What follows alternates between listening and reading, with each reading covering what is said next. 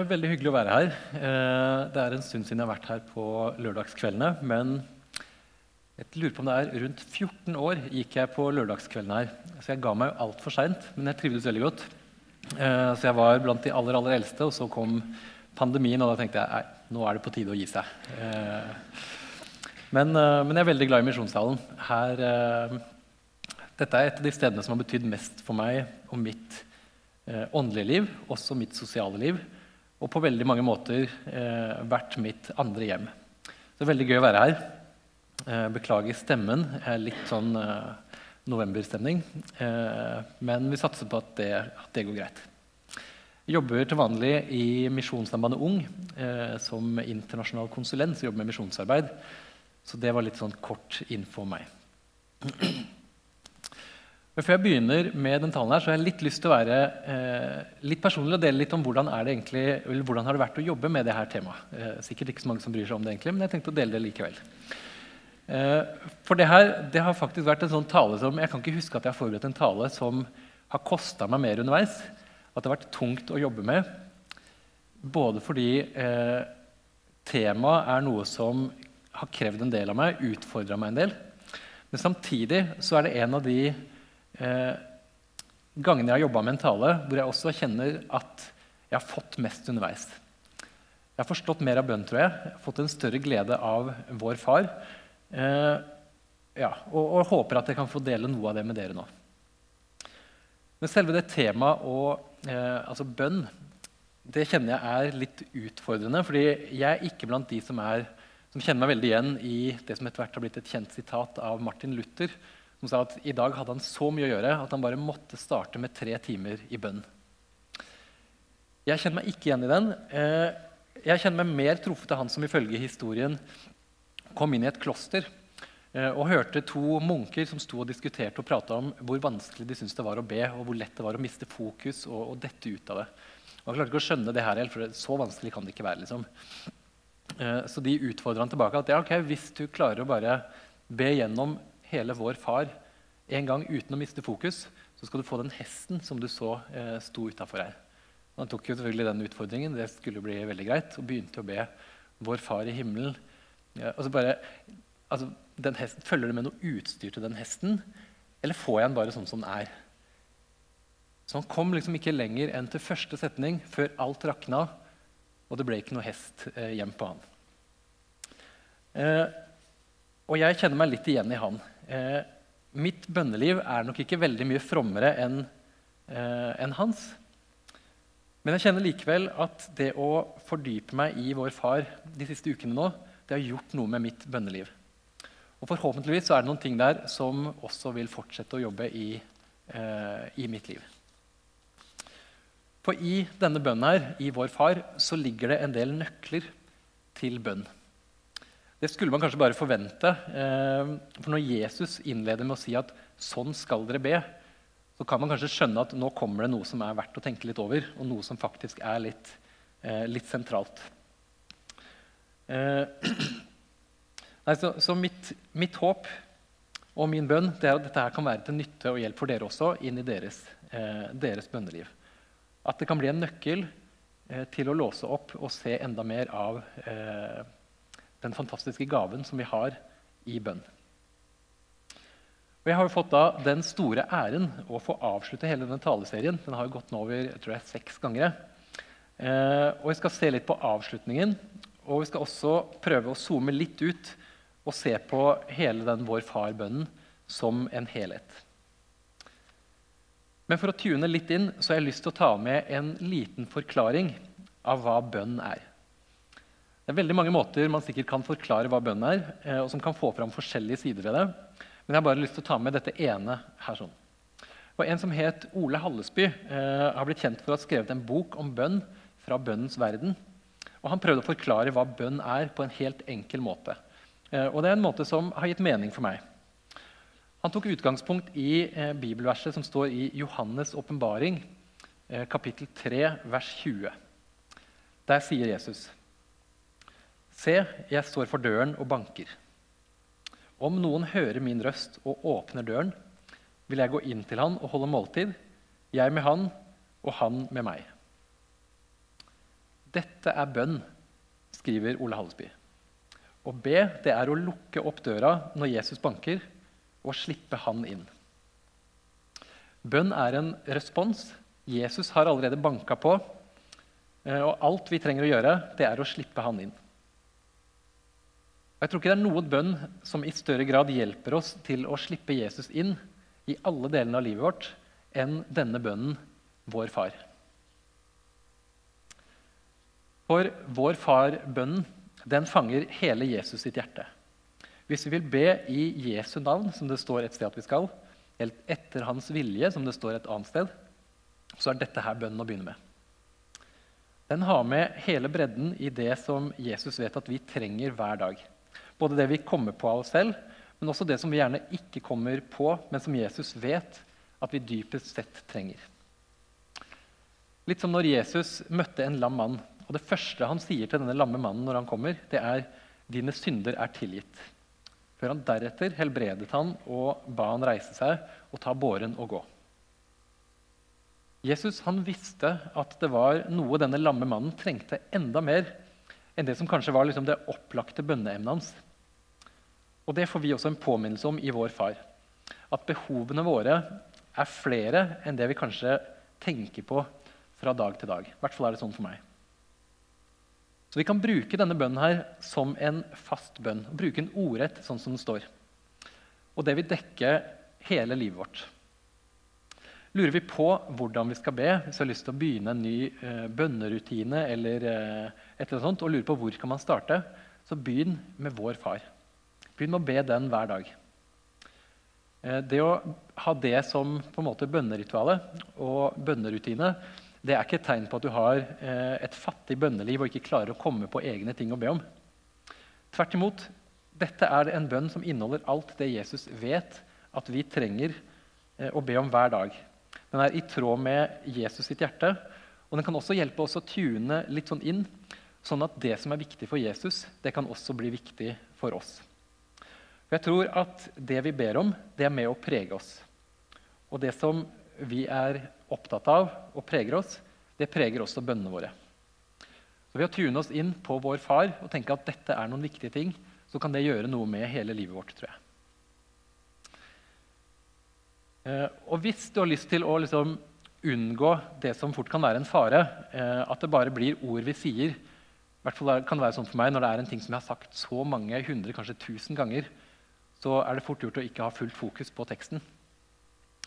Eh, men en ting som det går an å gjøre da, hvis man vil unngå det, det er å ta litt pauser mellom de forskjellige ledda når man ber den. Litt sånn som dette. Vår Far i himmelen.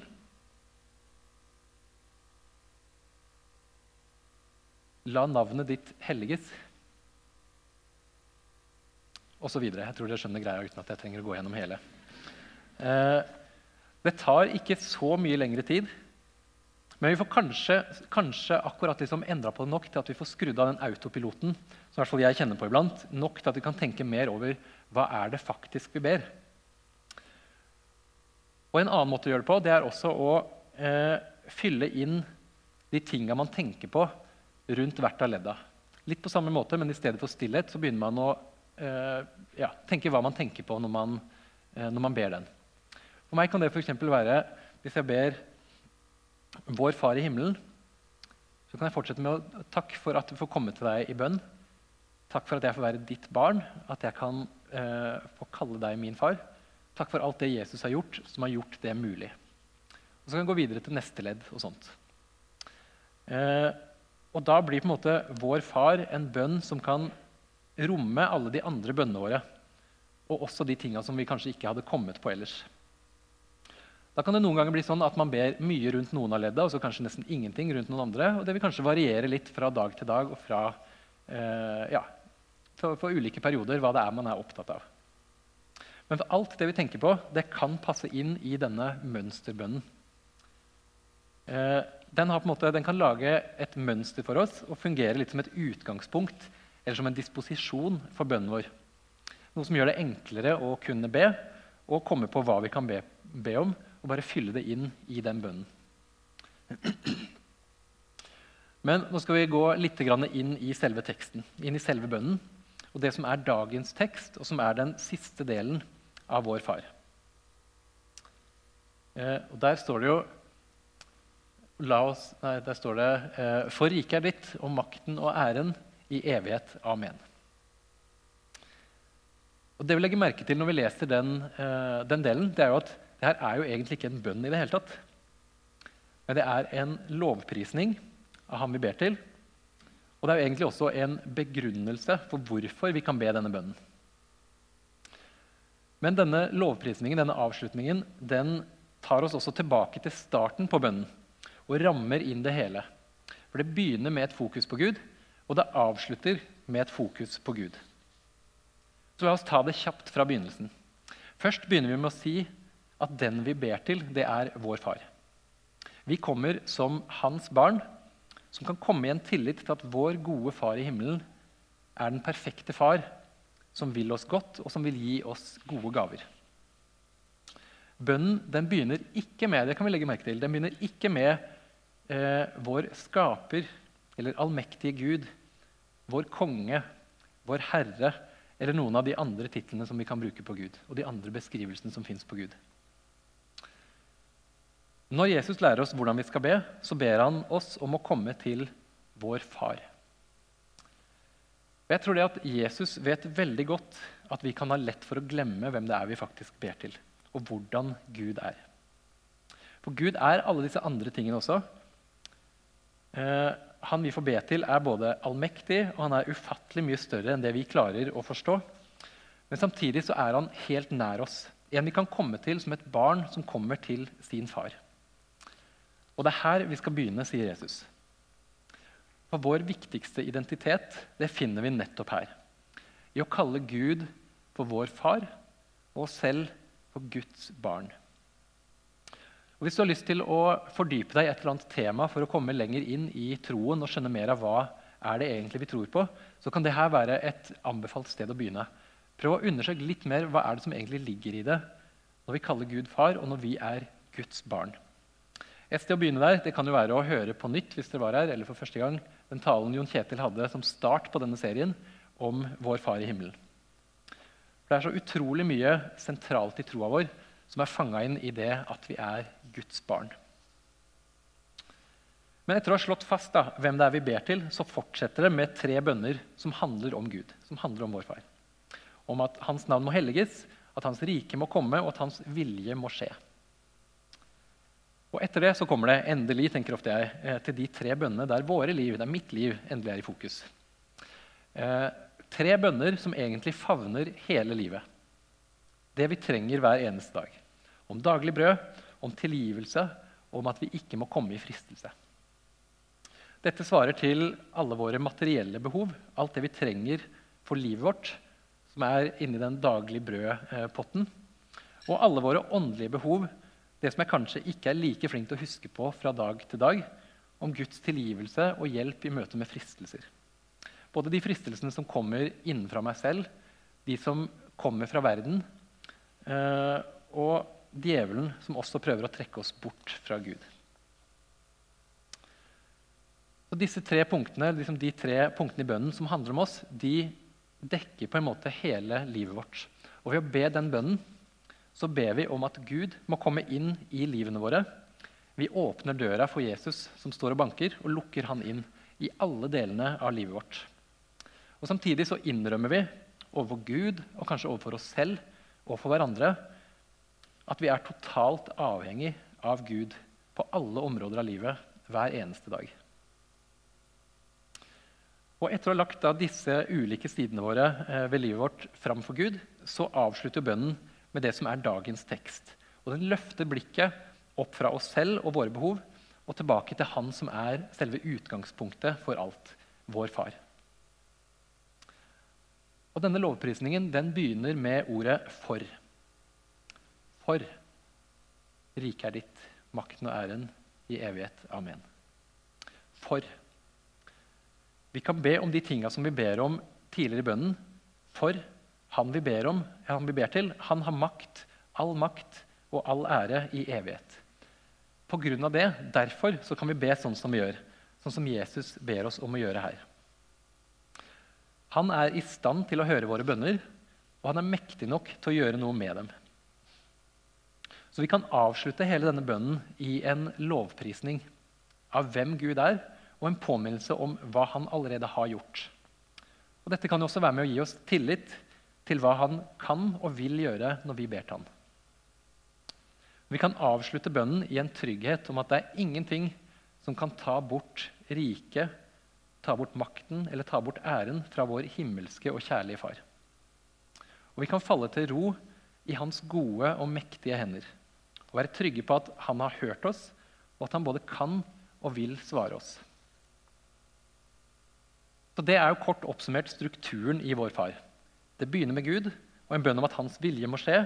Og vi inviterer vår far inn i alle områdene av livet vårt. Og det avslutter med en lovprisning av vår far, han som har all makt og all ære. Så når Jesus prøver å vise oss hvordan vi skal be, så er det sånn han gjør det. Så vår far det er da en fast bønn som vi kan bruke og be ordrett. Det er også en mønsterbønn Eh, der vi kan utvide de forskjellige ledda med det som ligger oss på hjertet. Men samtidig så er det noe enda mer. Den gir oss noen helt sentrale perspektiver i livet, og den setter livet vårt inn i en større sammenheng. Jeg vil ta dere med på et lite tankeeksperiment. Og mye av mitt bønneliv er prega av eh, frie bønner. Altså innskytelser, det jeg kommer på i farta, situasjoner jeg er midt oppi, eller ting som jeg tenker på. Av mer eller mindre tilfeldige grunner. Og så har jeg prøvd å tenke hvordan ville det sett ut hvis jeg hadde lagd en ordsky av alle bønnene jeg har bedt gjennom tenåra, 20-åra og etter hvert også 30-åra? Eh, hvordan ville det sett ut? De tinga jeg har bedt om flest ganger, hadde blitt størst, og de tingene jeg hadde bedt minst om, de hadde blitt ganske små og kanskje usynlige. Hvilke ord eller temaer er det egentlig som hadde blitt mest synlig? Eh, jeg har ikke fått lagd en sånn eh, ordsky, fordi jeg har ikke oversikt over alle bønnene jeg har bedt. Men eh, jeg kan røpe såpass som at hvis Gud hadde svart ja på alle de bønnene som jeg har bedt mest, så hadde jeg nok vært lykkelig gift. En, I hvert fall 10-15 ganger. Eh, jeg hadde fått veldig mange enkle eksamensoppgaver. Jeg hadde hatt mer penger, jeg hadde vært mer kjent. Og jeg hadde funnet veldig mange gode parkeringsplasser. Eh, for alle de tinga her det er ting som hadde blitt ganske store i den ordskia. Og det er ingenting av de tinga som det er feil å be om. Tvert imot, dette her er områder av livet som eh, ja, og, og liksom sånne store og litt små eh, reelle bekymringer som jeg har hatt, men som jeg ved å be har invitert Jesus inn i. Og det er flott. Det er det han inviterer oss til å gjøre. Problemet med den ordsida mi det er alt det som ikke er der. For det er ganske mange viktige ting som ikke kommer med i den ordsida over mine bønner. For Hvis vi også hadde lagd en ordsky av vår far, Jesus sin bønn, og sammenligna den ordskyen som vi fikk da, med ordskyen over mitt bønneliv fra eh, tenåringsalder opp til i dag, så tror jeg man har sett ganske tydelig at de er ikke helt like. Kort oppsummert mine bønner er selvsentrerte. Jesus sine bønner er Gud-sentrert. Den begynner hos Gud og avslutter hos Gud. Mens mine stort sett starter med meg og mine behov og avslutter med meg og mine behov. Og stort sett alt av mine mest bedte bønner de kan plasseres i den daglig brød-kategorien, som handler om mine materielle behov. Og gjerne kanskje litt mer eh, enn det jeg strengt tatt trenger. Og det er her sånn at jeg kjenner at Vår Far-bønnen eh, virkelig utfordrer meg til å rekalibrere og utvide fokuset mitt. Både når det kommer til bønn og egentlig til livet mitt ellers. Og Her gir min far bønnen den gir noen sunne og gode perspektiver, tror jeg. For det jeg ser når jeg ser på oppbyggingen av denne bønnen, det er at livet mitt og behovene mine de blir plassert inn i en sammenheng. Jeg og mine behov de står ikke i et vakuum, sånn som de veldig ofte gjør når jeg ber. Nei, De er omgitt på begge sider av Guds farskjærlighet, hans omsorg, hans storhet og makt, og en bønn om at hans navn må bli helliget, og at hans vilje skal skje. Det er i den konteksten, med alt det der, at livet mitt plasseres inn. Og jeg tror det er i akkurat en sånn ramme, akkurat i den rammen, plassert her, at mitt liv virkelig kan bety noe også. At jeg kan få se hvor jeg dypest sett hører til. Jeg kan få en mening med livet mitt. Og jeg kan få de beste rammene for livet som jeg lever. Når jeg lever det trygt plassert i Guds omsorg, godhet, storhet og makt. Og jeg må stille meg selv et tøft spørsmål eh, som jeg må svare ærlig på iblant.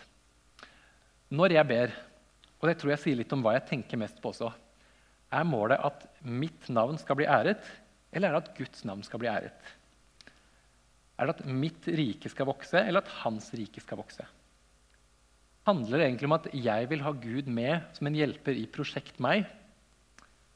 Eller at jeg stiller meg til disposisjon for at hans vilje skal skje? Når jeg ber de tre bønnene som handler om meg, i midten av bønnen her, så inviterer jeg Jesus inn i alle deler av livet mitt. Og samtidig, ved å be de andre bønnene som kommer før det, så setter jeg også livet mitt inn i en større sammenheng. Jeg ber samtidig om at Guds vilje må skje, og følgen av den bønnen for meg det er at jeg også stiller mitt liv til rådighet for at det skal skje. Ole Hallesby, han som jeg nevnte i stad, han som sa at bønn det er å lokke Jesus inn, han forteller om en mann som han, for, han dro for å besøke, og som viste han hele hensikten med det å be, sier Hallesby. Han hadde vært sammen med han eh, og hørt han be hver eneste dag i flere uker. Og han skriver om det her i boka si 'Fra bønnens verden'. Ettersom jeg hørte hans bønner, måtte jeg si til meg selv Han ber jo i grunnen bare én eneste bønn, nemlig at Guds navn må bli forherliget. Han ba ofte om direkte undre, men aldri uten å tilføye dersom det forherliger ditt navn. Bønn var for denne mannen ikke noe middel til å komme seg unna lidelse, men mest av alt et middel til å forherlige Guds navn. Derfor sa han så ofte, 'Men hvis det forherliger ditt navn mer, så la dem være syke, men gi dem kraft til å forherlige deg ved sin sykdom.' Og han ba ikke bare slik for andre. Han led selv av en farlig sykdom som han visste når som helst kunne gi han en smertefull død. Hallesbys poeng eh, og det som han lærte av å være sammen med denne mannen, det er at bønnens egentlige hensikt og mening det er at Guds navn skal bli stort. At hans rike må komme, og at hans vilje må skje. For det er noe som er enda viktigere, som kommer før mine daglige behov. Og Gjennom det her så blir jeg utfordra til å be litt mer sånn som Jesus gjorde i Getsemane. Der la han til bønnen han ba, la din vilje skje, ikke som jeg vil, bare som du vil. Og vi kan når vi ber, legge til la det skje hvis det helliger ditt navn. Vi kan be det som kanskje er den vanskeligste bønnen å be med et ærlig sinn. Bønnen la din vilje skje. Og så kjenner jeg at dette her er jo utfordrende å skulle sette noen andre først på den måten. I så stor grad for hele livet. Men samtidig som dette er utfordrende, så kan det faktisk også gi en hvile og en trygghet. For når vi ber om at Guds vilje må skje i livene våre, så er det det samme som å gi kontrollen til Han som vil oss mest godt av alle. Han som har en farsomsorg for oss, og som vet uendelig mye bedre enn oss selv hva det er som er det beste for oss og en som også har makt til å gjøre alt. For hva er dypest sett det beste som kan skje meg i livet? Har du stilt deg det spørsmålet noen gang? Hva er dypest sett det beste som kan skje eh, med, for deg i livet? Og jeg tror det er at Guds rike kommer. At hans vilje skjer i denne verden. Som en forsmak på sånn som det en dag skal bli når alt er fullendt. At vårt liv kan få bli en del av dette. For Hvis Guds vilje kommer, og hans, eh, hvis Guds vilje skjer, og Hans rike kommer, så skaper det de beste rammene for meg og for andre å kunne leve i. Sånn Jesus sier det litt senere i samme kapittel som denne bønnen. Søk først Guds rike og hans rettferdighet, så skal dere få alt det andre i tillegg. Hvis vi fokuserer bare på å få det godt her i livet, eh, og har det som det største målet, så kommer vi ikke til å få det godt her engang. Men dette er noe vi trenger å be eh, om Guds hjelp til. For det ligger ikke naturlig for oss. Derfor er dette så sentralt i bønnen som Jesus eh, har gitt oss å be. Sånn at vi stadig kan minne oss om det og stadig be Gud om hjelp til dette. Og Samtidig som vi ber om at Guds eh, vilje skal skje, så kan vi også komme til Han i bønn for alt det vi er opptatt av. Uansett om det er stort eller lite. Så Jeg har ikke tenkt å slutte med, eh, med disse frie bønnene mine og de eh, improviserte tinga som jeg kommer over, selv om det kludrer til ordskya mi litt. Eh, for I Filippe-brevet står det at La alt dere har på hjertet, komme fram for Gud. Så Gud ønsker at vi skal komme til Han med alle disse tinga. Alt det vi tenker på. Og ved å fortsette å be litt etter innfallsmetoden også, det som kommer etter hvert, så er det også en måte å lukke Jesus inn i alt det vi har av tanker og bekymringer og andre ting. Men samtidig som vi gjør dette, samtidig som vi ber om alt vi vil, så kan vi kanskje utfordre oss på å legge til en bønn om at det i så fall må forherlige Guds navn. At bønnesvaret må peke på Han og Hans godhet, både for oss og for de som er rundt oss. At det får en større betydning enn bare tingen i seg selv. Jeg blir også utfordra til å utvide fokuset mitt ved å bruke vår far mer aktivt. Og det kan vi gjøre i en tillit til at vi ber til vår gode far. Han som elsker oss og vil oss alt godt, og som vil gi oss av sine gode gaver. Da jeg sa innledningsvis at mitt bønneliv har blitt utfordra og blitt forandra litt gjennom eh, å fordype meg i, i vår far-bønnen de siste ukene nå, så handler det særlig om tre ting. For det første så handler det om at jeg vil bruke ordet 'far' mer når jeg ber.